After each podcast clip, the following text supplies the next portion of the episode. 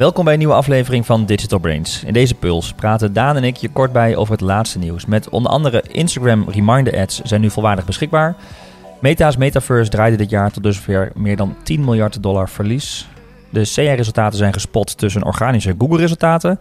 Ook Kruidvat begint met een online marketplace en ChatGPT kan afbeeldingen aanpassen en PDF's zelfs inlezen. En we hebben dan weer de puls from the past. Google stapt over op de mobile first indexatie.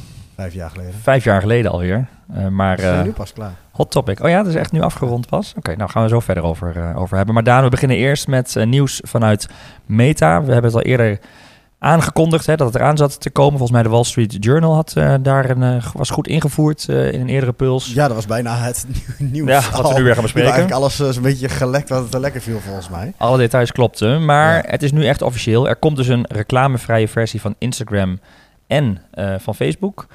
Onder druk van uh, Europese wetgeving uh, moet het dus mogelijk zijn om vanaf volgende maand een maandelijks abonnement te kunnen nemen. zodat je geen advertenties meer krijgt. En de vraag is wel, ze verwachten volgens mij niet dat er heel veel gebruik van gemaakt zal gaan worden. Nee, het is niet een strategie gepusht vanuit Facebook nee. zelf, zo lijkt het. Het is noodgedwongen uh, door ja. Europese wetgeving. Uh, want die wil, ja, die wil gewoon steeds meer ook mogelijkheden bieden om zonder advertenties uh, toch gebruik te kunnen maken van een platform. En Meta heeft daardoor een abonnementsmodel ingevoerd van uh, 9,99 euro per maand. Wanneer je alleen de web-app gebruikt, de webomgeving gebruikt. Of 12,99 euro per maand op de iOS en Android. Uh, en het heeft dus te maken met alle Facebook en Instagram accounts uh, die je gebruikt. En er, ze hebben aangekondigd vanaf 1 maart nog een extra vergoeding uh, te gaan berekenen van 6 euro per maand op het web en 8 euro per maand op iOS. Dus het is ook financieel niet aantrekkelijk, zou ik zeggen. Ik vraag me af wie dat dan ja, echt zou willen. Ja, het is het, niet, niet belachelijk duur gemaakt, maar ik kan me voorstellen, ja, dan moet je misschien een hele intensieve gebruiker zijn. Die is er echt irriteerd aan advertenties. Ja, of gewoon echt wat tegen advertenties heeft en het trekken van echt heel erg een privacy. Ja, maar ja. Gekkie. ja. Geloof je dan als die privacy, uh, uh, als je echt privacy minded bent, ga je dan denken, oh, als ik dan ook nog geld betaal, dan wordt mijn data niet gebruikt of zo. Ja. Ze, ze, zullen het ja, misschien wel zelfs intern hebben gewaarborgd, maar het feit dat jij geen niet... ziet, wil niet zeggen dat jij niet gebruikt dat jouw ah, het data niet moeten, denk ik. wordt. Want anders dan voldoen ze nog niet aan die regelgeving, zeg maar, als ze dat alsnog gaan tracken Nee. allerlei doeleinden. Maar uh, ja, ik denk niet dat het een interessante propositie is dat je denkt, nou, als ik nu geld betaal, dan ben ik van mijn privacy zorgen af. Zeg Nee. maar. Dan vertrouw je dan meta daarop. Dus ik zie dat gebruikers allemaal niet doen. Maar we gaan zien wat de adoptie uh, wordt, want ze zullen het vast ook iets over rapporteren. Alleen als ze het niet echt gaan pushen Nee, ja. in een app, ze, ze, ze verstoppen het een beetje als een soort feature. Ja, Ja, maar, maar heel erg Daan, ik moet zeggen, 20 euro om op Facebook en Meta niet gevolgd te worden, ik vind het nog wel duur hoor. Per zelfs op uh, het abonnement van toepassing bij alle gekoppelde, oh ja, dat is aan elkaar gekoppeld. Dus als je één abonnement hebt, ben je zowel Facebook als Instagram. ja heb je beide. Beide. Ja, dat bedoel ik, dan moet je wel heel heavy user zijn, zeg maar. Uh, wil je dan uh, advertenties inderdaad echt gewoon puur irritant vinden? Ja. Want je hebt het wel op YouTube bijvoorbeeld. Hè? Dus ik kan me het voorstellen dat bepaalde gebruikers die echt heel veel content kijken, van Ja. mensen waar ze fan van zijn, waardoor het bijna een soort vervanging is voor televisie, kan me voorstellen dat het op het begin prettig werkt. Dat je gewoon Ja. sneller door kan om dingen te bekijken die je leuk vindt, zeg Want maar. jij hebt eh, volgens mij ook een YouTube. Ik heb ook YouTube. Premium. Ik ook, ja, ja. als je echt langer kijkt, dan worden de advertenties gewoon echt ook storend. Omdat je dan van die interrupties krijgt om de vijf minuten. Dat je dan echt een ad moet kijken. Uh, maar ja, ja, Maar dat is bij Facebook en Instagram is dat toch... ja, ik kijk niet zo intensief daarop, Nee. zeg maar. Maar ik kan wel voorstellen, als je echt intensief Instagram gebruiker bent, Mhm. je vindt het storend. Je kijkt ook langere content van één maker bijvoorbeeld. Maar ja, en dan nog, hè, je bent niet helemaal van advertenties af, want gewoon de influencers en al, Ja, de organische dat wordt niet content. geblokt, Nee. zeg maar. eh, ik, ik moet zeggen, ik heb meer moeite met hoe het algoritme mijn tijdlijn opstelt. Met allerlei suggesties voor jou die Ja. ik niet wil hebben. ja, Uh, volgens mij gaan ze er ook aan werken dat je meer een chronologische tijdlijn moet hebben. Dan per se de advertenties. Ja, maar je bent ook niet... eh, YouTube, wat ik dan bijvoorbeeld heb, is ook niet reclamevrij in die zin. Ja, je hebt niet meer de, de pre-roll ads Nee. en dat soort dingen. Maar je hebt eh, wel gewoon de... eh, redactionele ja, content. en de de- gesponsorde ja. eh, video's. De, de, de, de sponsor van eh, de, de, de creator zelf. aflevering, ja. En, eh, Ja, nou, we gaan het zien in ieder geval vanaf komende maand. Uh, dus het wordt snel, uh, snel uitgerold. En we gaan afwachten of daar uh, veel gebruik van gemaakt gaat worden. En daar, nou ja, minder advertenties of meer advertenties is een beetje de discussie. Want Instagram heeft ook aangekondigd dat nu de reminder ads volwaardig beschikbaar zijn. Dus het, is, het platform zelf gaat natuurlijk steeds meer advertenties eh, uitrollen. Meer formaten. Is een nieuw, of eigenlijk geen nieuw formaat, want het bestond wel langer. eh, maar dan moest het nog als organische post. Mhm. En een reminder ad is, ja, wat het eigenlijk zegt. Het is een soort reminder. De call to action is, herinner me zodra dit Ja. event gebeurt of ergens zijn. Dus hè, dat kan ook voor marketeers, als je bijvoorbeeld een Black Friday actie hebt, bijvoorbeeld om daar een beetje eh, ja, suspense, hoe noem je Ja. dat, eh, verwachting in te maken, aftellen. Ja. Dat je kunt zeggen, herinner mij eraan zodra eh, het, de, de shop open gaat, of zodra het event er is, of zodra de tickets kunnen worden besteld. En wat je krijgt dan echt in Instagram zelf, krijg je dan ook reminders. En ehm, dat kan nu ook in Instagram Stories natuurlijk een heel belangrijke service, zoals we dat noemen, een belangrijk stuk van de Mhm. interface waar natuurlijk heel veel in gebeurt. En je kunt het nu in de Ads Manager gewoon als ad aanmaken. Dat kon voorheen niet. Kon je wel een bestaande post zeg maar eh, ehm, eh, pakken, maar kon je niet verschillende advertenties, verschillende varianten of direct in de Ads Manager aanmaken. Dus dat is een eh, ja, nieuwe manier van call to action die je Ja. natuurlijk kunt gebruiken. Maar toch voelt hij wel als win-win. Ik snap dat Meta Ja. heeft er baat bij en El adverteerder heeft hij baat bij dat je op de hoogte gehouden wordt. Maar als gebruiker is het ook wel echt iets van, nou, informeer mij, remind mij. Dan denk ik dat is wel een service bijna, wat natuurlijk best wel commerciële waarde heeft. Maar ik kan me voorstellen als gebruiker dat ik ook wel blij van word. Het enige nadeel als adverteerder is dat het niet echt je first party data is, zeg maar. Je, je ziet Je weet niet wie wie. er... eh, ja, je kunt natuurlijk wel instellen als conversie doen en dat soort dingen, maar je weet uiteindelijk, je hebt niet een e-mailadres of contactgegevens van iemand. Nee. Blijft bij Instagram. Alleen de, ja, het is wel heel licht, zeg maar, aan, als conversie. Laagdrempelig. Dus heel laagdrempelig. Dus eh, Maar je kunt wel we zien natuurlijk van, eh, vanuit de reminders hoeveel mensen dan weer geconverteerd hebben. Dus het zal, precies. ja, die trigger is natuurlijk wel heel erg mooi. En je kunt je campagnes ook eerder beginnen. Als Ja. je met een call to action als reminder hebt, dan dus het is gewoon laagdrempelige call to actions die je in de, in de set beschikbaar je hoeft niet een hebt. Te draaien voor een actie die nu ook te converteren valt. Je kunt Nee. het eerst opwarmen met die reminders. Dat Ja. is wel een leuke toevoeging. Hey, Meta kennen we vooral natuurlijk van Facebook en Instagram waar we het over hebben. eh, WhatsApp. Maar iets verder daar vanaf staat... Daar verdienen ze het eh, geld mee. Daar verdienen ze het geld mee. Eh, en dat is ook hard nodig, want iets verder vanaf staat de Metaverse, hè, waar ze ooit de naamwisseling eh, eh, verandering voor doorgevoerd hadden. En daar gaat het geld eh, er met bakken weer uit. Ja. Eh, 10 miljard euro verlies in het eerste kwartaal eh, van 2023. Eh, blijkt uit de recente kwartaalcijfers. En dan gaat het dus over de Metaverse afdeling van Meta. Dat is eh, de, de Reality Labs. Ja.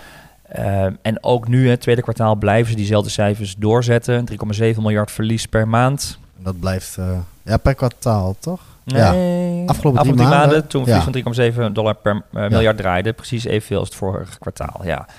Dus het gaat hard. De vraag is, is dat te hard? Het geeft heel aan hoe, hoe, wat voor type zakken Meta heeft hierin. Ja, of wat van cashflow, denk ik. Ook Want de advertenties leveren natuurlijk veel op. En eh, Mark Zuckerberg gooit het allemaal in de metaverse en blijft dat doen.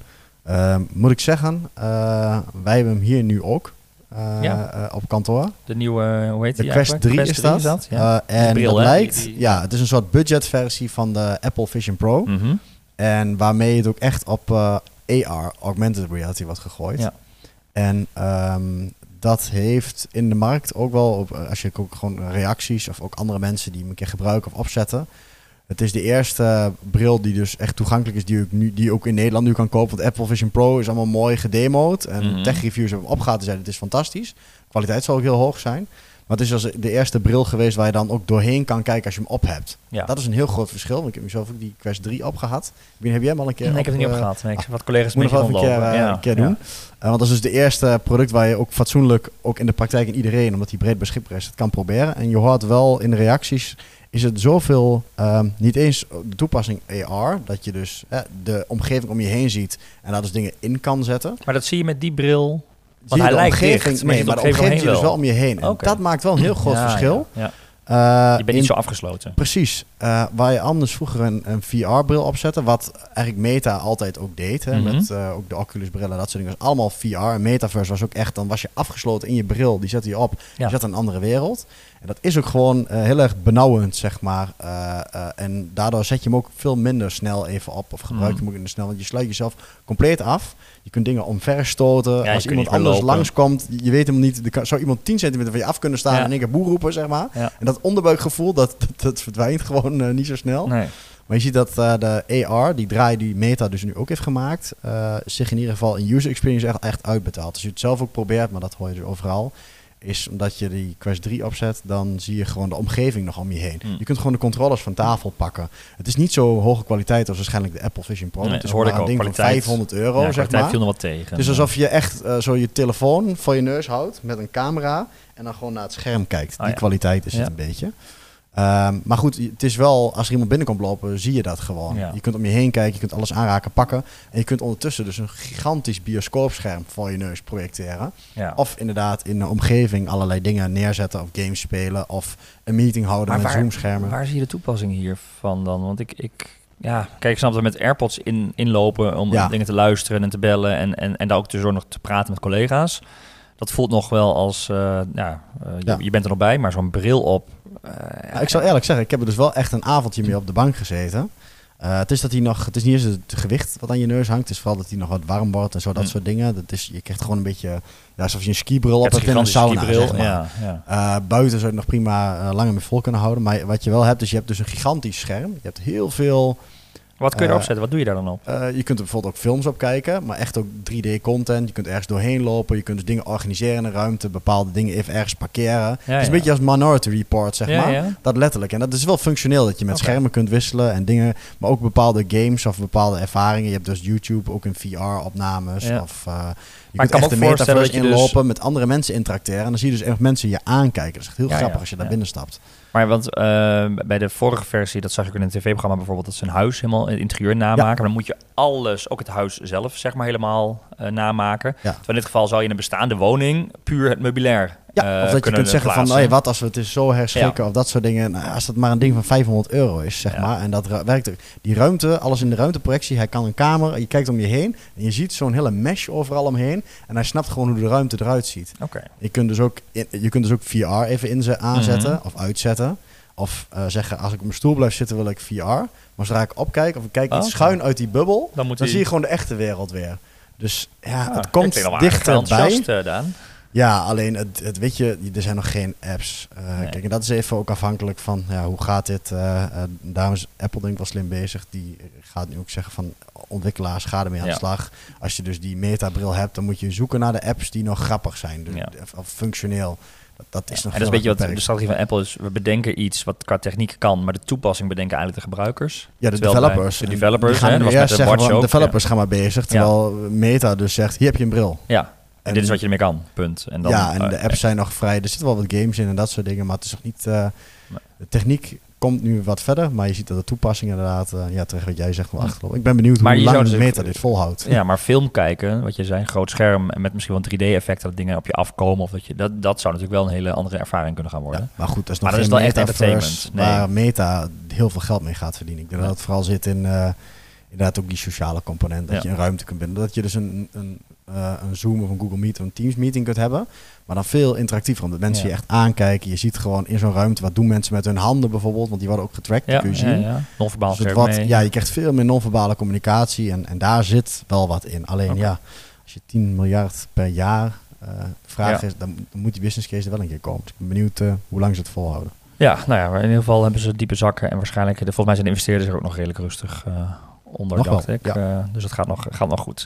Dan naar Google. Eh, die lijken te experimenteren met het plaatsen van advertenties tussen organische zoekresultaten. We zijn Ja. vooral bekend van de advertenties natuurlijk boven of naast organische zoekresultaten, eh, nog wat verder terug in de tijd.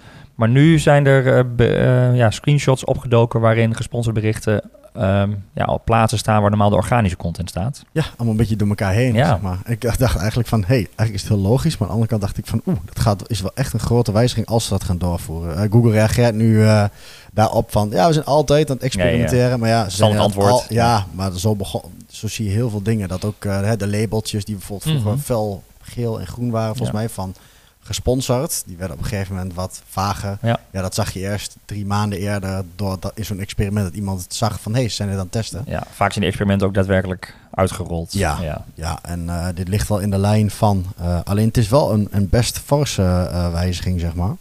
Want ja, als ze, ze doorgaan en zeggen, nou ja, we gaan dit vaker doen, dan ja, het was altijd zo dat je eerst de, de betaalde resultaten had. En daarna kwam gewoon organisch over Ja. het algemeen. Dan zag je al af en toe Google Shopping bijvoorbeeld wel ergens tussendoor Ja, omdat die, duiken. die, je kunt doorscrollen natuurlijk. Hè. Je hoeft niet meer echt naar pagina 2 en dan 3 kreeg te je, gaan. nee, dus dan krijg je je een soort van eindpagina 1 was het dan, Ja. zeg maar. Dan kwam je toch nog weer wat Google Shopping resultaten tegen. Maar nu zag je dus ook eh, in dat screenshot, staat echt eh, een organisch resultaat en dan weer een betaald resultaat. Hmm. En dan weer twee organisch en dan weer een betaalde. Beetje net als je eh, in je tijdlijn of Ja. Social ook zo. social bijvoorbeeld ook gewoon overal eigenlijk een beetje er tussendoor hebt gemixt. Daar willen ze ook wel naartoe natuurlijk. En naar een veel diversere Ja. ja. resultatenpagina tijdlijn is het bijna aan het worden. Ja, precies. Dus, Dus, eh, eh, ja, het wordt meer een soort, eh, ja, ja het, inderdaad, tijdlijn achter eh, ervaring. Daar hint het natuurlijk naartoe. Dus Mhm. eh, ja, waardoor aan de ene kant eh, eh, ja, SEO klinkt gek, maar misschien ook wel weer juist belangrijker wordt. Want die posities zijn dus nog waardevoller, zeg Ja. maar. SEO-posities worden weer schaarser. kunnen ook boven advertenties in één keer Ja, die kunnen dus ook boven advertenties staan. Dus het, het, het wordt veel meer een mashup. En, eh, en de- zeker de vlieger van, eh, goh, je hebt eh ehm eh, SEA staat er bovenaan, die sla ik over bijvoorbeeld. Dat wordt nog, Wordt nog veranderd weer helemaal. ja, dat, dat, Dus het is ook een mooie kans voor CA als op deze manier. Ja, Voor de het is- ook, Het, ja. het wijzigt gewoon. eh, eh, en dat, dat gaat echt wel wat doen met de, de, de CTR's en dat soort dingen, denk ik. Eh, Ja.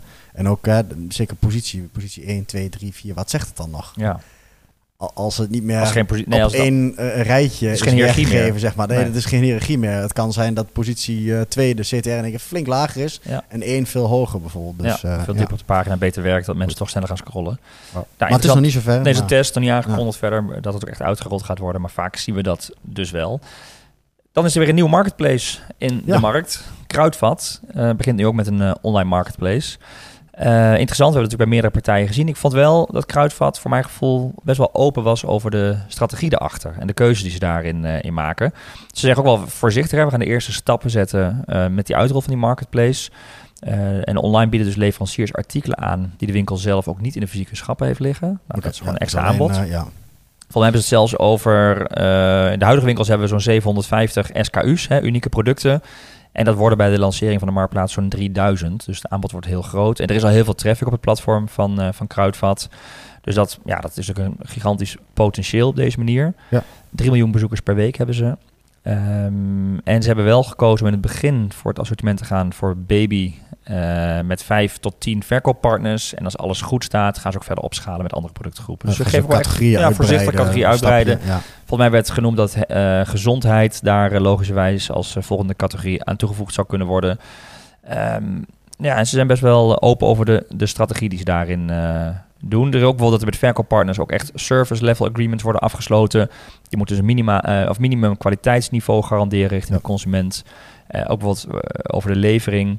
Um, nou ja, dat wordt allemaal dus ja, best wel uh, goed opgezet volgens mij, zoals het hoort. Ja, dat is zeker als je al over, met marketplaces bezig bent, denk ik. Dus je levert al aan Amazon of een Bol. Ja. Dan kun je waarschijnlijk ook makkelijk bij dit soort uh, uh, plekken aanhaken. Waar je vooral toch, even kijken, ja, Mediamarkt gaat natuurlijk naar de marketplaces toe. Decathlon hebben we het eerder over Decathlon, is al sport, bezig. Ja. elektronica, zeg maar. Ja. Maar dit is ook wel een serieuze speler die meer in de uh, fast-moving consumer goods Ja. zit, zeg maar. In de drogisterijartikelen, baby, dat soort dingen. Dus ja, dat is wel echt een hele ja, nieuwe categorie. Ja, plus dat het natuurlijk ook een, gewoon een heel erg een offline aanjager is, Kruidvat. Dus wil zeggen dat je daar ook met de, met de, de huis-en-huisblaadjes en het, hè, de reclamefoldertjes, ja, de traffic ook daarmee ja. aanjaagt steeds. Echt een andere doelgroep. Ik denk dat heel, ja, een doelgroep is die toch best wel vaak even kijkt naar de acties bij Kruidvat. En ja. dan nu ook gewoon een heel groot aanbod erbij krijgt. Uh, dus interessant. En, um, en ze willen ook nog wel, dat is wel mooi om toe te, uh, nog even te benoemen. De, de, wat ze online aanbieden zijn additioneel op het eigen assortiment. Dus dat is een strategische keuze. Ja. Leveranciers concurreren niet met Kruidvat zelf of andersom. Er staan dus bijvoorbeeld niet tien commodes uh, naast elkaar. dus daar zijn nee. ze wel heel, heel selectief in. Dat maakt het voor nu denk ik nog wel iets moeilijker om het helemaal open te stellen voor iedereen die op marketplace, marketplaces zit. Want je wil natuurlijk wel uh, het aanbod een beetje kanaliseren. Ja. En het is natuurlijk, uh, Kruidvat en AS Watson wat erboven zit, natuurlijk geen kleine speler. Mm. Maar uh, Mediamarkt, Decathlon, Mediamarkt is natuurlijk Duits, Europees. Ja. Decathlon is ook vanuit Frankrijk een grote speler. Ja. Uh, Volgens mij ook Weekamp en je hebt natuurlijk ook uh, ja, ja, die zijn ook al ja, Fashion al ja. heel erg. Ja, ja, precies. Daar heb je al de marketplaces richting, maar dat zijn ook vaak gro echt grotere partijen. Uh, Kruidvat is niet klein, nee. maar het is niet een grote Europese speler die dat gaat doen. Dus ik ben ook wel heel benieuwd hoe, hoe, dat, uh, ja, hoe dat verder aanslaat en hoe dat gaat lopen. Ja. Maar voorlopig nog even in een kleinere pilot, ja. maar wel van 750 naar 3000 SKU's. Dat is al wel uh, gigantisch, ja. ja. Ja, zoals elke aflevering hebben we het ook weer over AI. ChatGPT, weer nieuwe ontwikkelingen. Of ChatGPT, hè, zoals we het eh, op zijn Nederlands afspreken, even uitspreken. Die kunnen, dat kan nu afbeeldingen aanpassen en PDF's inlezen, Daan. Ja, dat zijn er, er zijn er drie nieuwe features. Die andere is wat minder uh, schokkend, maar ook wel heel praktisch. Um, eerst de afbeelding aanpassen. Dus DALI heeft een nieuwe mogelijkheid dat je ook uh, nu dus eigenlijk in het chatvenster gewoon een afbeelding kan, erin kan slepen, kan mm -hmm. uploaden.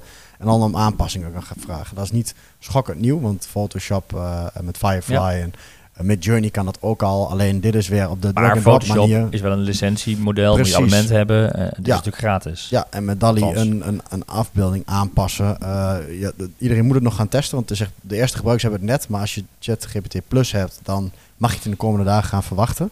Dus het zal nog even een beetje testen en experimenteren worden. Mm -hmm. Van hoe houdt hij zich in de basisafbeelding? Maakt hij een slap aftreksel? Of kun je echt zeggen, hè, bijvoorbeeld dit is mijn product. Zet dit product in een mooie omgeving. En ja. dat je dan een beetje fine-tuned en echt snel al wat hebt. Ja, en is het inderdaad um, retoucheren, maar wil ik dit vlekje eruit halen? Of daar staat een poppetje ja, in beeld, is wil je eruit vraag, halen? Hoe gaat dat, uh, hoe gaat dat werken? Ja, de schaal van echt, aanpassen. Ja. ja. Ja, dat het niet vervolgens het halve product ook vermangelt, zeg maar, met AI.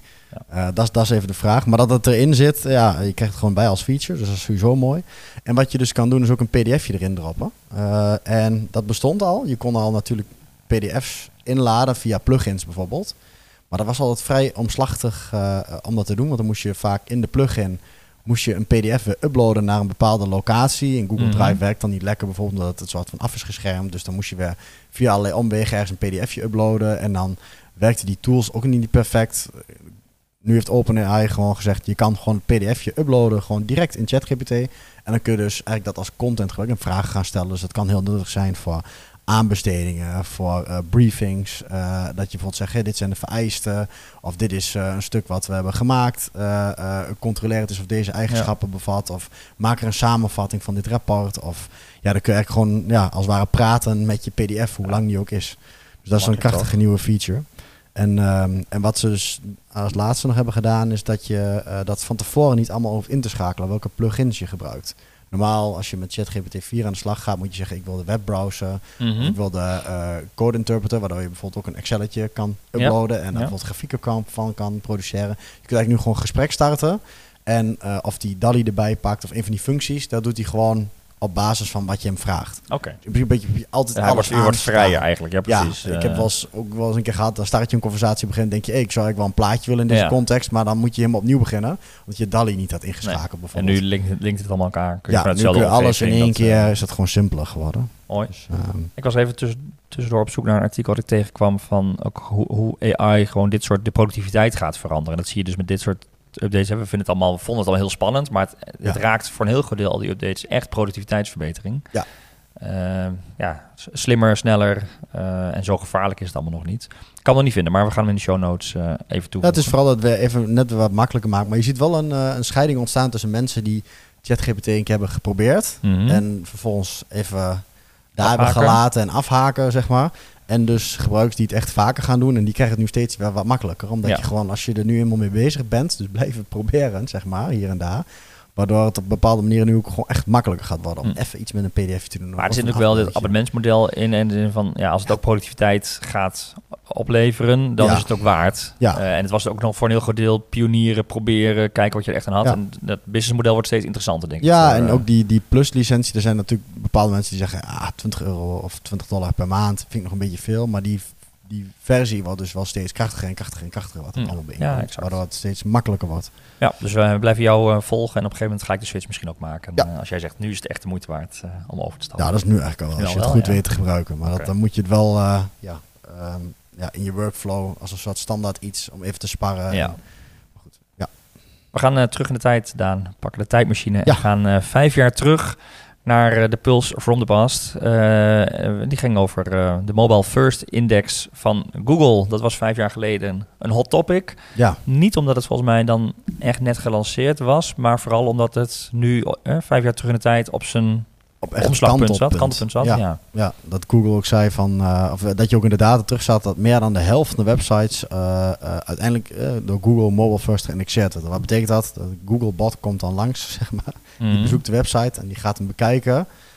Maar die kon het op twee manieren doen, desktop en mobile.